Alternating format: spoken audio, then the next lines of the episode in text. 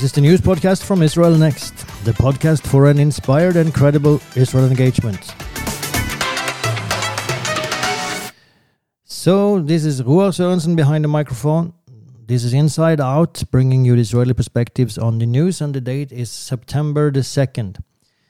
So, uh, it's been a few weeks now where we haven't issued any uh, Inside Out, and that has to do with an intensive traveling program, and that's which is good. I mean, things are picking up, and uh, invitations are coming, tours are organized. So um, this is this is very good. But unfortunately, it has this consequence that uh, I'm not as regular as I used to be with uh, Inside Out. Anyway, uh, we are back, and this week we are going to talk about a few issues, starting with um, the coalition formation that is going on right now. Uh, so Benjamin Netanyahu is trying to put together a uh, coalition, and it's not that easy, maybe as he wanted it to be, and it might be even harder to keep this coalition together once it has been formed. Uh, then we talk a little bit about uh, terrorism that is going on. We also come to a couple of stories having to do with IDF soldiers, uh, where they behaved in a not not the best way, to say it the least. We'll talk about it.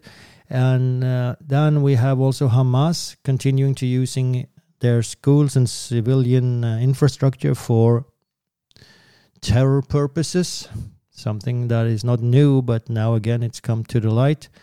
And we'll talk about the UN that has made a resolution to basically say that the establishment of Israel was a catastrophe. So these are the things uh, before we come to the weekly Torah portion. But first, we go to Netanyahu's attempt to form a coalition. And I'm pretty sure that he will succeed in this attempt. But anyway, it has taken more time than perhaps he thought it. Because when he was given this mandate almost three weeks ago, uh, he said that within 10 days we should have the coalition ready and now it's already three weeks. Uh, and I thought back then as well that it was optimistic, and maybe he was just trying or trying to put pressure on his coalition members. Anyway, uh, we are where we are right now. Uh, there are four parties that he needs to sign an agreement with. Uh, he representing the Likud party, and then four more parties and uh, those are two ultra-orthodox parties which one is shas and the other is united torah judaism. And then he has two right-wing parties uh, religious zionist party and otzma yehudit.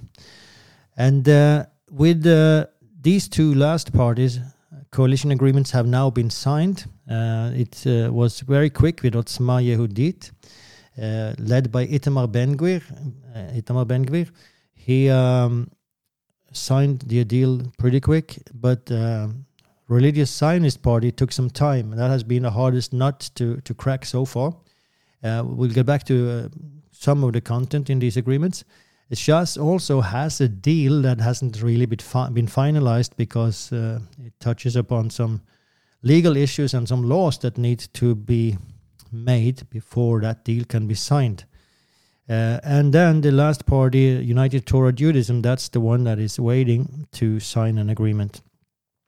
So when it comes to these two right-wing parties, because you should remember now that Netanyahu is the most, at least one of the most left-leaning members in this entire coalition.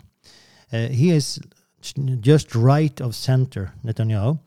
Uh, and I know that sounds maybe strange because when you hear him outside of Israel, he speaks very strongly for Israel and better than anyone else uh, of these prime ministers that we have heard the last few years.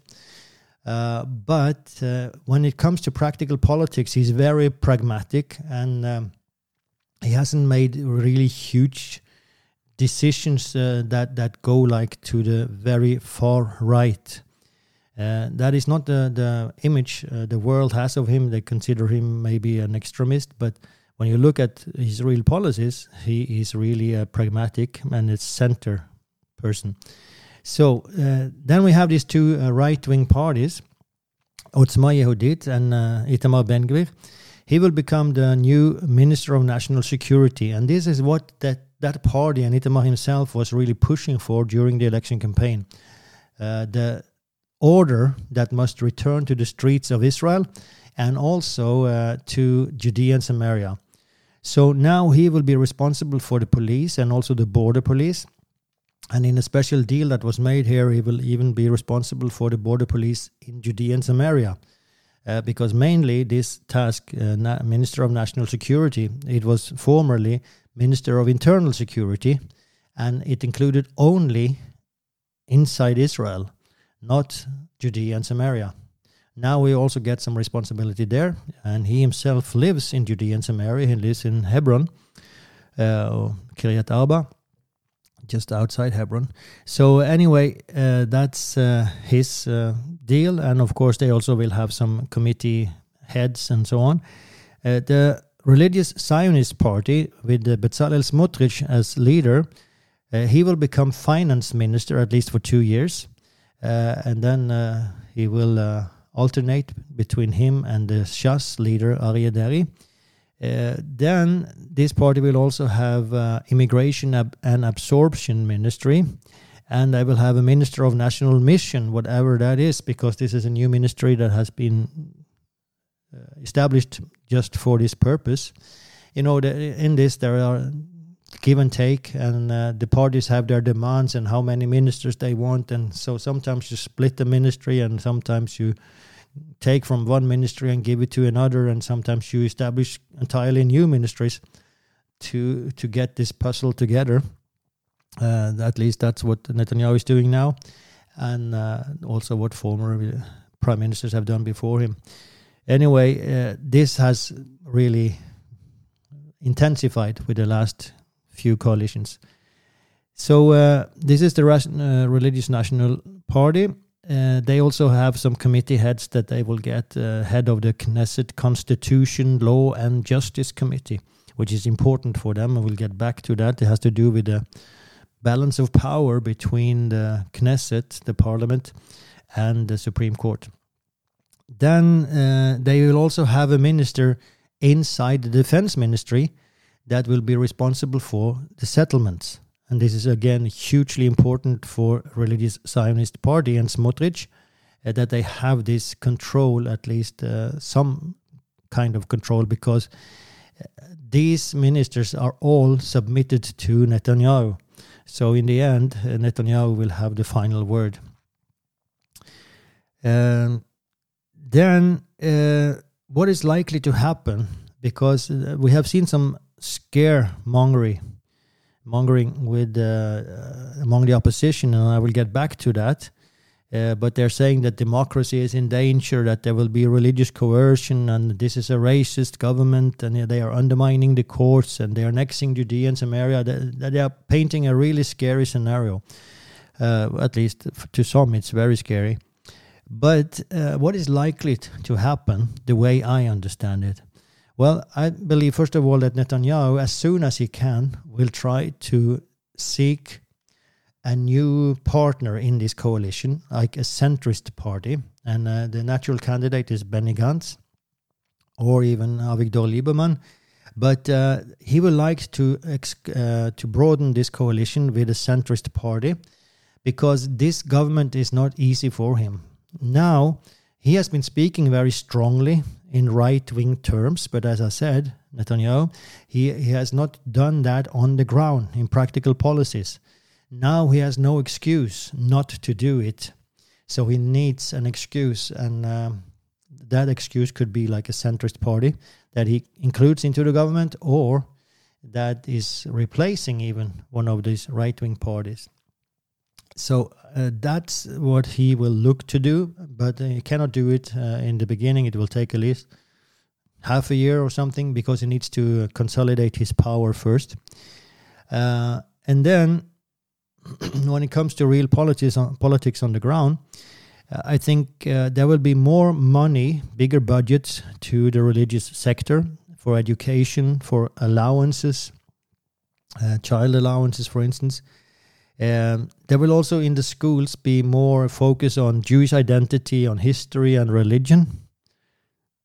Uh, when it comes to security, there will be a campaign. This is pretty obvious that there will be a strong campaign against the lawlessness, uh, a needed campaign as well, against the lawlessness in the south, the Negev, and in the Galilee. Because uh, Itamar Ben Gvir, who is the Minister of National Security, this has been his issue all the time. So he has demanded in this coalition agreement that bigger budgets will be given, more police uh, men will be educated and put in the, into office. So uh, there will be more people to take care of these things because, as it is, and we have talked about this, in the Negev, the Bedouins have taken over the streets, and uh, it's it's really anarchy in certain places. Uh, shootings uh, wildly, wildly on the roads and in the in the cities. Uh, it's taking place, and a lot of illegal weapons that are circulating. And also in the Galilee, uh, Arab uh, clans and, and, families are operating in mafia ways and demanding protection money and so on. So he will really uh, hit at this and also against terrorism. So, which uh, which is why it was important for him to get control of the border police in Judea and Samaria. So that's maybe the place where we will see the most changes, harsher measures against terrorists and criminals.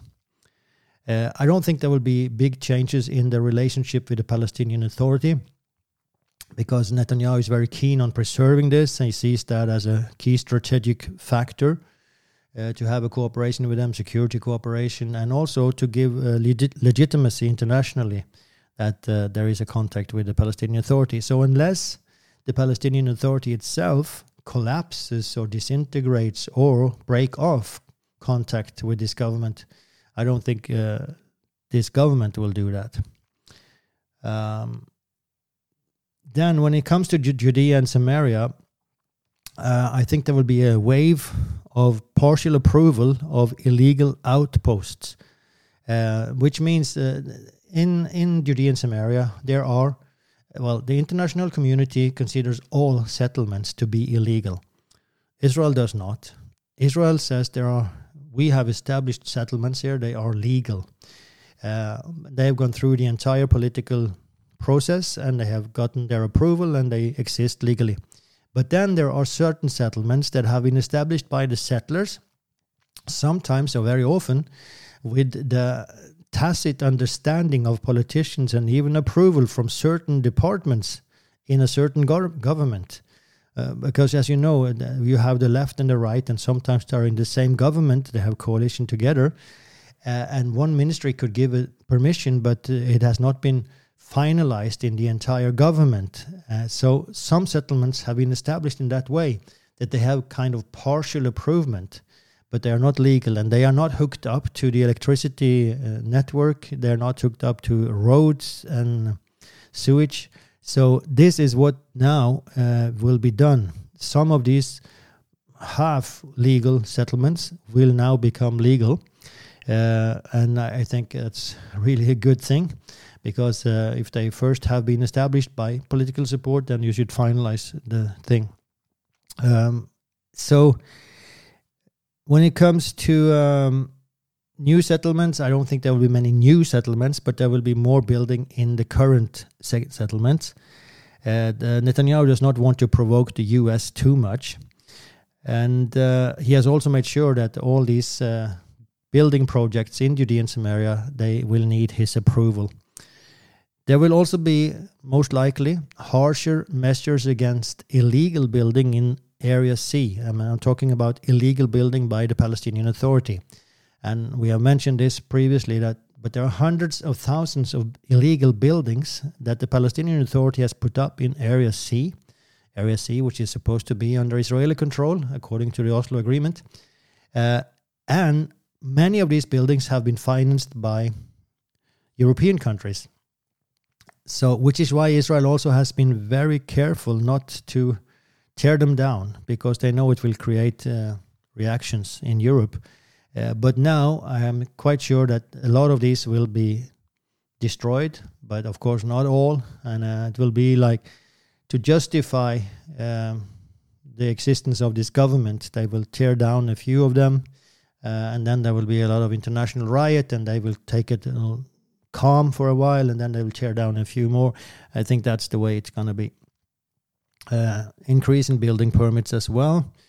Um, one major issue is Khan al Ahmar.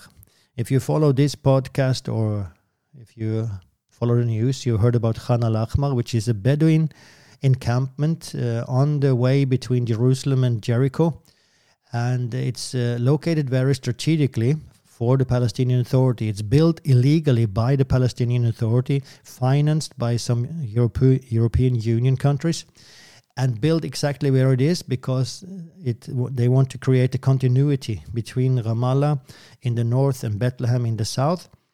And uh, but it is illegal, so it has been taken to the Israeli courts and it got gone through the court system and come to the Supreme Court, and the Supreme Court has said you can tear this down. It is illegal, but you have to move them to another place. And so Israel has prepared another place, and uh, they're not willing to move. Uh, so, but now this issue is coming up on a regular basis to the government because it is the the destruction or moving of this encampment has been postponed so many times. Uh, so it's coming up on a regular basis. And next time it will come up, if this government does not move this encampment, they will really lose credibility. So I think uh, they have to do this, but that's not going to be easy because the international focus is really much on just this encampment, Khan al Ahmar. Uh, it will probably not happen in the near future. Maybe they will try to postpone it for the first time. But uh, if they if they postpone it more than one time, then then uh, it will be hard to preserve the credibility. Uh, the court system, then, uh, when it comes to this, and the balance of power between these three uh, agents, you, you know, in a democracy, you have these three agents in most democracies. You have the parliament, you have the executive, and you have the the, the judge, uh, what you call this? Um, the judging entity, the court system. So these are three uh, powerhouses in a democracy, and there's a balance of power between them. Now, the parliament, of course, is the one that has been elected by the people, and if it should be a democracy, then it's a democracy means people are ruling. Uh, so the parliament then would be the representative of the people, and uh, maybe you can argue should have the most power. Now, lately, the last 25, 30 years in Israel, the Supreme Court and the, the judge uh, justice system uh, has uh, increased its power and has become too strong, according to many on the Israeli right, and because they are also led, the justice system is led by an ideology of the left. So now this government wants to correct this, and uh, this is a very fine balance. So uh, the, it should be interesting to see how they want to correct it because uh, I do believe there needs to be corrections made uh, so that the Supreme Court cannot overrule uh, the the Parliament and the laws that are made there. At least not uh, in a very easy way. It has to be like checks and balances um, both ways. So uh, we will see what will happen here, but here there are li- likely to be reforms and. Um, the opposition is are likely to call this uh, non-democratic, uh, and uh, I don't believe they will be non-democratic. I, I, don't think there is no danger for a collapse of the Israeli democracy, not at all. Uh, but uh, we'll see how this will play out. Now, when it comes to the the criticism from the coming opposition, okay, so Netanyahu is the coming prime minister but he is right now head of opposition, although he has been given the mandate to form a coalition. The sitting prime minister is Yair Lapid, and uh, he will very soon become the opposition leader. But now he is still the prime minister, and he uh, was holding a speech this week in uh, during a, ceremony that was commemorating uh, David Ben Gurion, the first prime minister of Israel. Uh, it was 50 years since Ben Gurion died. And in this uh, speech that he held at that memorial, he says the following. I'll give you a rather long quote, but uh, it's worth listening to. He says like this, this The sitting prime minister of Israel speaks like this I did not come here to eulogize Ben Gurion. I came to apologize to him. What is happening in Israel today contradicts everything he believed in and the legacy he had left for us. The incoming government that is being formed does not share the first prime minister's beliefs. They do not believe in equality for women and the LGBTQ. They do not believe in political and social equality and inequality for Israelis who are not of the Jewish faith. This is a democratically elected government, but it seeks to destroy democracy. Ben Gurion built the IDF while incoming ministers incite against the military, its troops, and its commanders. In the Declaration of Independence, the holy sites for all faiths must be preserved and protected under the UN Charter. But the emerging government disagrees, and we must pray they do not set the Temple Mount and Jerusalem on fire.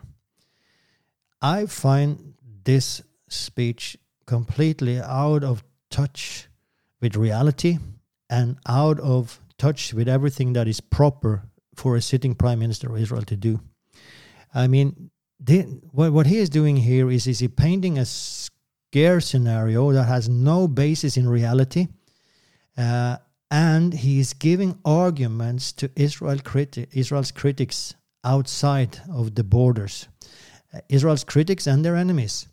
And you can just imagine how many times this will be quoted by Israel critics abroad. And they will have be able to say, I did not say this the sitting prime minister or the now coming opposition leader of Israel, he said it. Uh, and so why why is he doing this? For political reasons. He's trying to gain votes. He's trying to to uh, I don't know uh, justify his own party and so on. But these these are political considerations. There is no touch of reality. There is no danger of democracy in Israel. Uh, and it's just so sad that uh, he is demonizing the incoming government because he's creating almost an unbridgeable, unbridgeable gap between that government and now then the opposition, soon to be opposition. So uh, I think this is very low, and especially thinking that he's still the prime minister of Israel. He even wrote a letter to uh, all the mayors and heads of the local communities and he said you should not cooperate with the new education ministry because in this education ministry not the minister himself but in there there will be a representative of this um, right-wing party noam.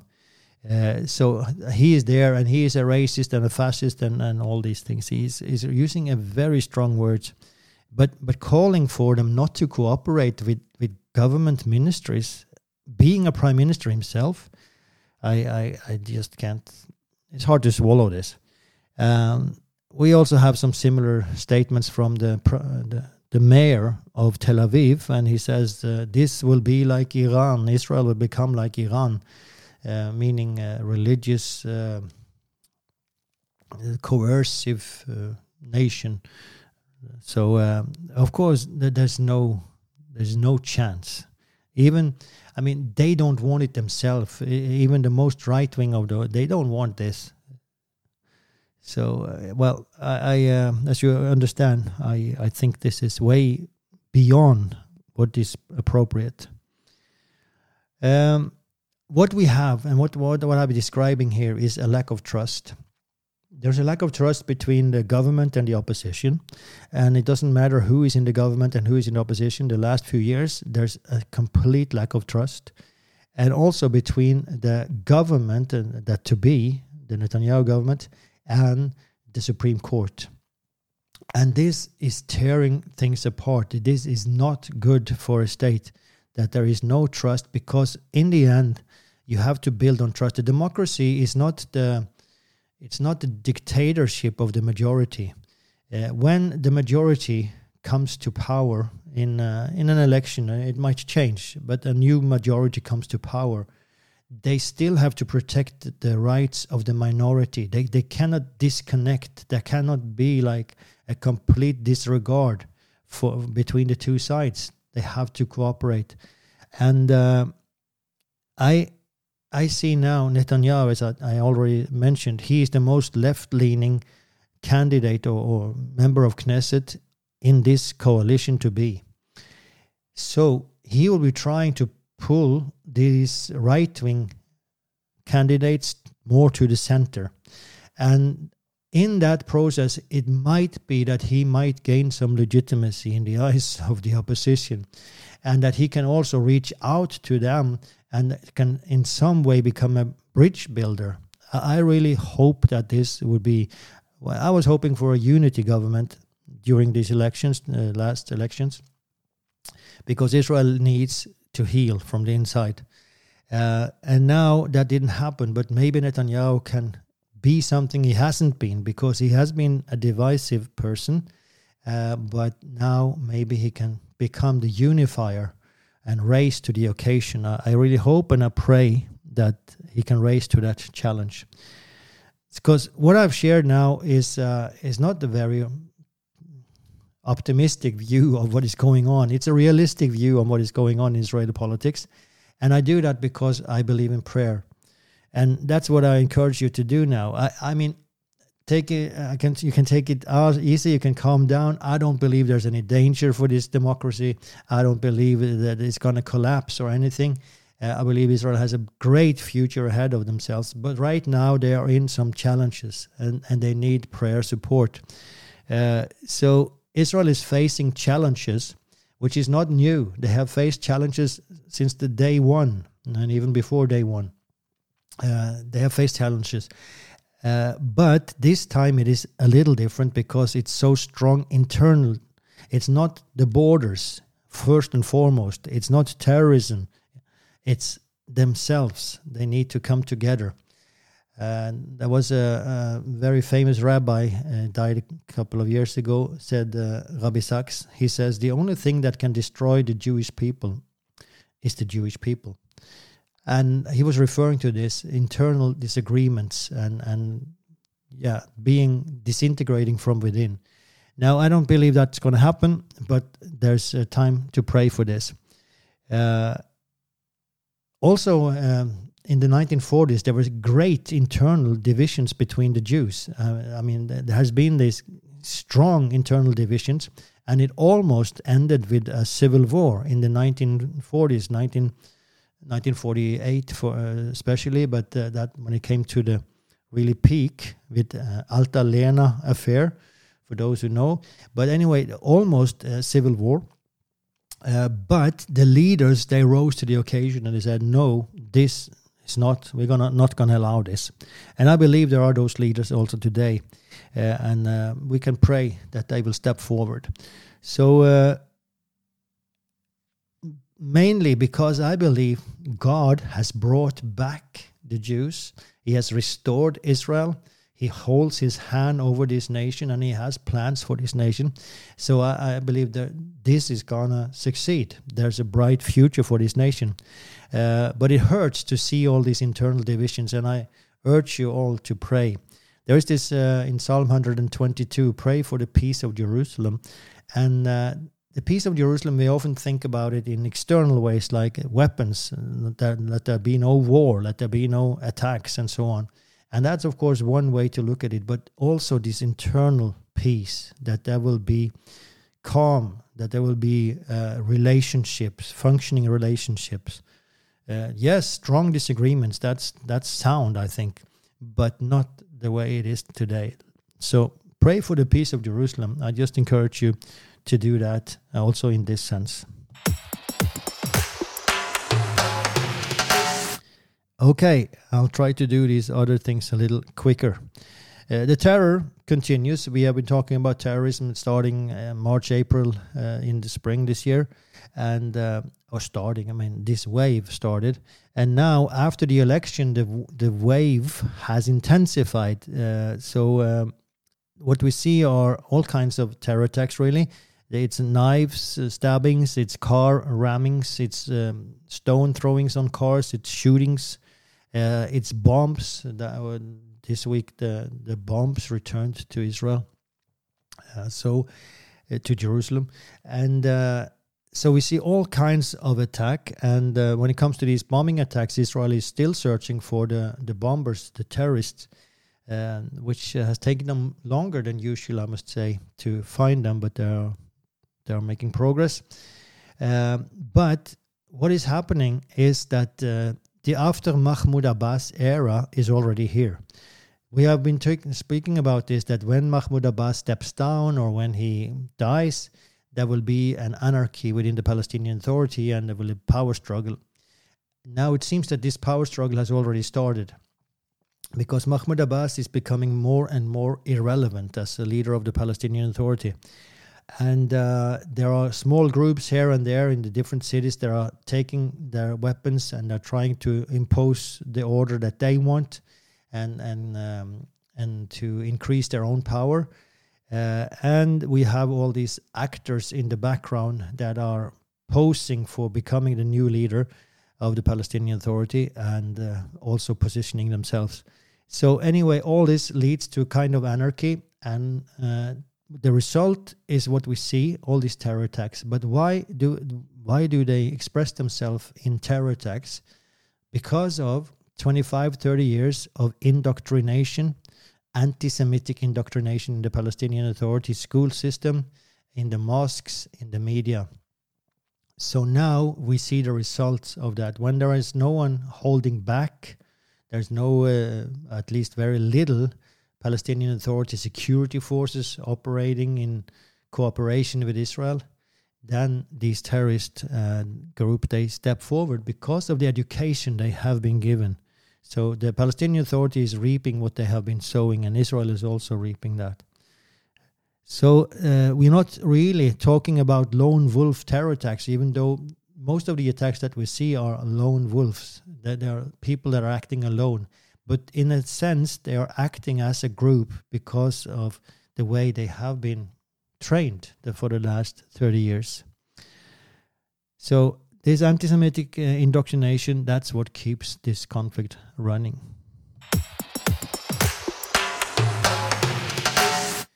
Then we come to a sad story, uh, two sad stories really uh, about soldiers, and uh, the one took place in Hebron.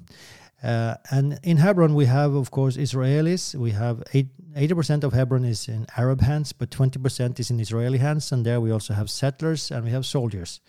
Now, left wing organizations are very against the settlers in Hebron. And they make tours uh, to Hebron and they bring protesters down there and they do certain provocations against soldiers, against settlers, and they're always filming it all. And this happened again this week when uh, a huge group of, of anarchists, part of them are anarchists, others are human rights organizations uh, members, but anyway, they were provoking soldiers standing at a guard post, two soldiers. And in the end, one of them was just had enough and he took a hold of one of these protesters, put him on the ground, and punched him in the face. And this is, of course, filmed, and they published this film in an, of course, edited version where they only filmed this incident and not uh, the provocations that they, they themselves made. Uh, and uh, this, of course, becomes big news in Israel, and the soldiers are, are being shamed. Uh, he also got punished 10 days in prison, military prison. and the other soldier said uh, Ben Gvir will provide order here, Itamar Ben Gvir, which is going to be the new uh, national security minister. Uh, so, of course, that was an expression that uh, was a political expression, and a soldier shouldn't really express that anyway, these soldiers they did not act as they should. Uh, the sad thing, of course, is that uh, it's these left-wing protesters that are trying to provoke them. They're trying to provoke their own soldiers so that they can take this material and spread it on social media and the internet and their platforms. Because many of these organizations are funded by European countries. And the way they make sure that they get more funding is to provoke incidents like this that shame Israel. And so it's just they're working against their own country. And it's just so sad to see all this. Uh, then there was another uh, incident in uh, outside Modi'in, uh, and on this one of these uh, checkposts uh, that are located on the border to the West Bank, Judea and Samaria, and you have Palestinian Arab workers coming to this checkpost, going through and into Israel to work. And on the Israeli side, you have Israeli Arabs, standing with their cars and bringing them to the, their places of work. So uh, what happened was that uh, some soldiers decided to take two of these drivers coming from East Jerusalem, or four of them. For, uh, there were different incidents, uh, and they took them and uh, they kept them, bound them, and blindfolded them, and abused them, kicked them, beat them and uh, really just dishonor them in, in, many different ways. So uh, they treated them like this and, and they kept them uh, like arrested. Uh, they cannot say arrested because they're not allowed to arrest. It's, one of those, so it's not a police uh, thing. And there was no reason for doing this. But they kept them for like uh, almost a, whole day and then they released them. There was no reason for doing this. It was just the abuse of power. Just because they had the power, they, they did this. And it was, was really terrible to hear these testimonies from these uh, Arab drivers and what had happened. And uh, of course, you can always question if they were speaking the truth. Uh, and um, I, I, see no reason to doubt them in this incident. Uh, and uh, what has happened is that this, of course, caused an outcry in Israel, and an investigation has already been started. And they are looking into this and really hope they will find these soldiers and, and get get control of this phenomenon because this is this is just terrible. This is not the way Israeli soldiers can behave. Menachem Begin was a former prime minister in Israel in the 1980s, and he, he said this following very famous sentence We are here by right, we are here by the might of right, not by the right of might. Okay, so we are here by the might of right, meaning we have a right to be here. And uh, the authority that this right gives us, that's why we are here. We have a historic right, we have a moral right to be here. We are not here by the right of might because we have strong weapons, because we are strong. Uh, that that's not what gives us the right to be here because we are able to defend ourselves. No, it's our historic and moral right that gives us the right to be here. So this is so true, uh, and and the the unfortunate situation is that Israel's neighbors have forced Israel to use might to protect their right. Uh, so they have been forced to build a strong army so that they can protect their own existence. Uh, now, the problem becomes when you use that might, when you use that weapon in an immoral way, like these soldiers do, then you really undermine your own right, your own legitimacy. And so that's why also this is so sad. I mean, Israel is undermining, these soldiers are undermining Israel's moral right to be there. And of course, it's sad because of the pain you cause on other people. So there are so many things that are just wrong in this instance. And uh, what gives hope still is the fact that this caused such an outcry in Israel and demands for immediate invest- investigations and finding out who these soldiers were because the, these drivers couldn't identify them. They were blindfolded.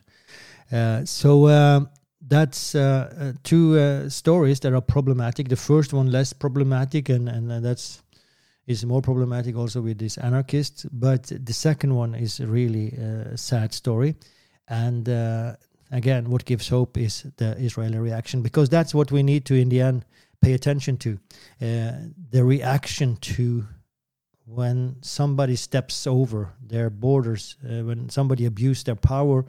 What is the reaction? Uh, that's how you should judge a nation, not not on those few that make these extreme or these abuses, but on how the general public reacts to it. And uh, then it gives hope for Israel.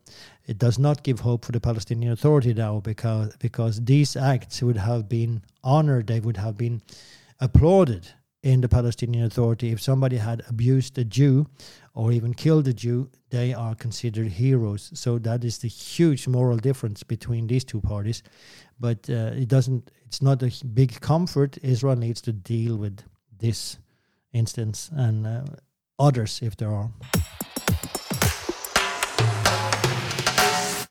Few things in short. Uh, Hamas uh, has again been exposed as, for using civilians as human shields. They have built an underground storage uh, under an UNRWA school. Uh, UNRWA is the United Nations uh, department for taking care of uh, the Palestinian Arab refugees and they run a lot of schools also in Judea and Samaria and in Gaza.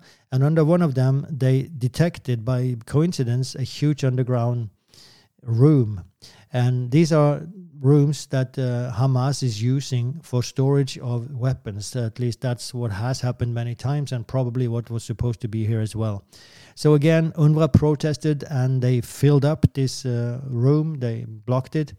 Uh, and uh, what you see here is, of course, a breach of international law that you use these facilities for uh, for such purposes for terrorism. Uh, and uh, Israel has often said that this is what Hamas does on a regular basis, but uh, the international community seems not to believe them. Now, when the next conflict will come, the question is will they then believe Israel or will they again choose to look the other way and say, no, this is not true. Uh, because now it's not Israel that is accusing Hamas of doing this, it's UNRWA. It comes from, from their own. So uh, we'll see what happens when the next conflicts come. I think it's only among the truth seekers that they will then believe Israel. If you really seek the truth, you will believe Israel when they say next time there was a storage here under this mosque, under this school. Um, then, US diplomats have asked uh, President Biden to punish Israel for this new government that they consider an extremist government.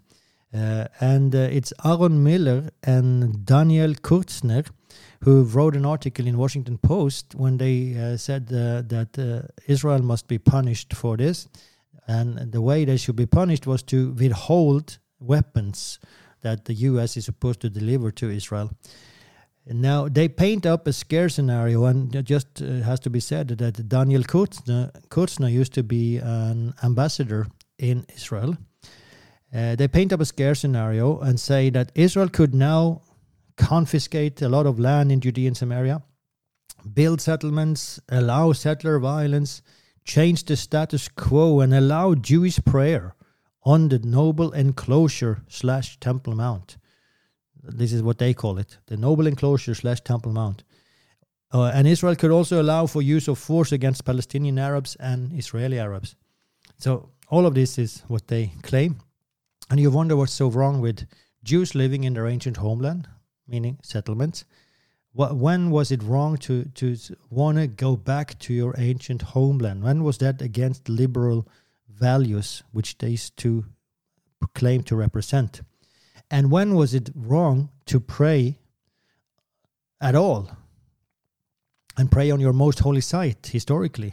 When was that wrong? When was that against liberal ideas? You can really ask. Uh, we have been so used to, to accepting all these things that, oh, no, Jews shouldn't pray there and they shouldn't live there. But how is it really when you compare it to liberal values? Uh, anyway, so uh, their greatest fear is, and that comes to, to the front in their kind of conclusion, where they says, at the minimum, this and this new government threatens to put to rest the already moribund two-state solution. And this is where it, it ends up. Okay, this this is what they're getting at. It might threaten the two-state solution, and nothing can threaten the two-state solution because that is our golden calf it has become the golden calf of the international community because it seems that no argument doesn't matter how well, how well founded, how based on facts can get them to change their idea that there has to be a Palestinian state. That that is just written in stone, and and you wonder where that uh, where that conviction comes from even when you have Palestinian Authority leaders saying that our goal is to destroy Israel, still is to destroy Israel, it doesn't change their view. Even when you say when you have these leaders saying that we want to fill Israel with uh, Arabs, we want to bring refugees, as they call them. We want to bring the refugees back, meaning the destruction of Israel by demographic means. Nothing changes their view that there must be a two state solution. And so everything that they consider to threaten this, uh, that's, that's wrong. Anyway, uh, it's just so it's just so exaggerated this uh, and so uh, so uh, impossible to understand this form of argumentation. Okay, last thing here is the UN resolution uh, that was uh, approved this week. That uh, in basic basic terms consider Israel, the establishment of Israel, as a catastrophe, and that is a resolution, a resolution that was approved by 90 countries it was opposed by 30 countries, and there were 47 countries that abstained. Many European countries, including Norway, abstaining. Uh, and um, so, uh, which are considered to be extremely cowardly, because what this uh, resolution basically said is that they want to make a special day to commemorate the Nakba, the catastrophe, which is the name for uh, the establishment of the of the state of Israel, or the catastrophe that it led to, according to this understanding. Uh, so it's celebrated or commemorated the 15th of May, the day after the establishment of Israel. And um, uh, now it's 75 years, 2023 is 75 years since the establishment of Israel. And so they want to commemorate that day. And so basically, it is the decision to establish the Jewish state was made by the UN. It was made in 1947. And so when Israel is established on the 14th of May, it's according to a UN resolution. And now a new resolution says this was a catastrophe. And so you really wonder which leg is the UN standing on, and especially when it comes to the moral of all of it, because Israel was established then on the 14th of May 1948, but the Arabs said, no, we are not going to accept this. So we're going to declare war and we're going to destroy this state before it is even born. So they attack it on the first day. Miracle by miracle, Israel survives. And uh, as a result of this war, you have a Palestinian Arab ref- refugee problem and you have a Jewish refugee problem as well, but we'll come to that. But what they then uh, call the Nakba is the uh, Arab, Palestinian Arab refugee problem. And then they just disregard the entire fact and history around it that it was the Arab states that decided to go to war and that led to this there being refugees at all. So everything is just turned upside down. And, and what uh, should be a huge reason to celebrate for celebration that the state of Israel survived, the UN sanctioned state of Israel survived this horrible attack, has now become the disaster. It's it's um, to see that these countries abstaining. I mean, to vote against is more honest, honest, but to abstain is just cowardly. And so, uh, then the same week here on Tuesday, the Israeli ambassador to the UN, Gilad Erdan, he uh, presented an exhibit that speaks about the Jewish refugees. Uh, because there were six, seven hundred Arab refugees that had to flee. Uh, most of them fled. Uh, not, they had nothing to do with, with Israel. It has to do with there was a war declared by the Arabs, uh, so they fled because of that. But uh, anyway, you have uh, that's a tragedy that you have people that had to leave their homes. Uh, it was a tragedy that was caused by the Arab decision to go to war. But that decision also led later on to 900 Jewish refugees having to leave Arab countries. And that's not because they took to weapons against their country, not at all. They lived perfectly normal life, good citizens of their countries, but they were Jews and so they were thrown out of their countries. So you have a Jewish refugee problem following 1948 because of Israel winning the war. They were thrown out of their Arab countries, and that is the real catastrophe. So right now there is an exhibition in the UN about this. um, almost imposed by Israel uh, to also uh, put some light on this story. But that's not going to be marked uh, as a, with a special day in the UN. There's not going to be a resolution for that.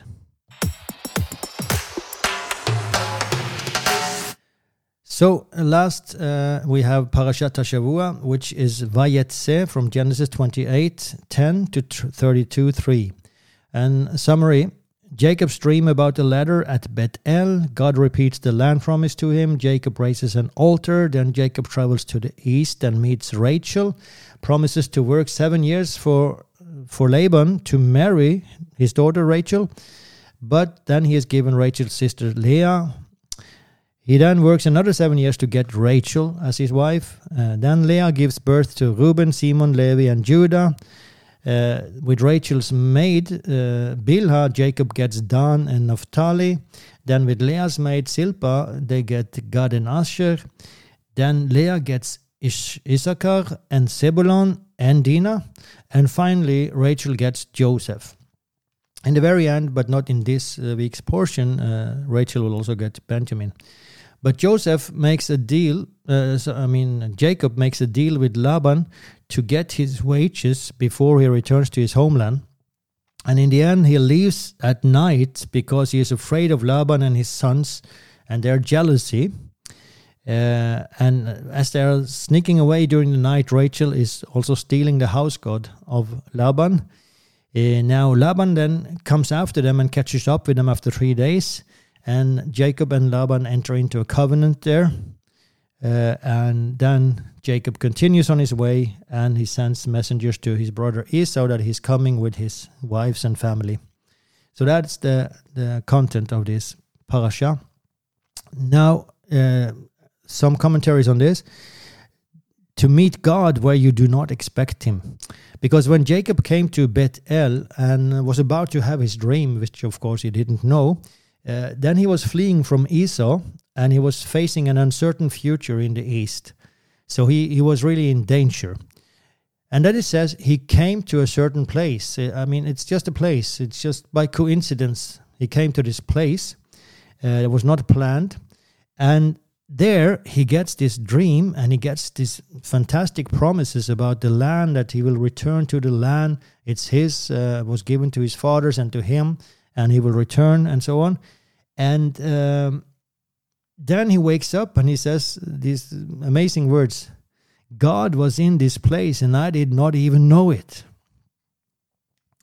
And that's just so, so wonderful because that's how, how God is.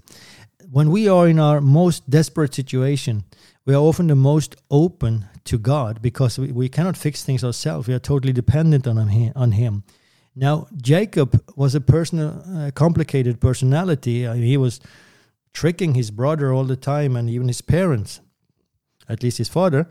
So uh, he has a complicated personality, but he also had a strong respect for God and a strong faith in God. And he was he really believed so much in God's blessing that he was willing to do almost anything to get a hold of that blessing. And when you contrast that with his brother Esau, who was willing to sell this blessing, the, the right of the firstborn, for a, a soup, a plate of soup, then you see how, how big the difference is between these two brothers and how God really found something in Jacob that he could use. And so um, when then he was in this place uh, and he was he was in a desperate situation, he was probably crying out to God in his desperation. Then there, uh, although he, he didn't really expect anything, it was just his certain place he came to, no plan, nothing. And there, God was in this place, and I didn't even know it.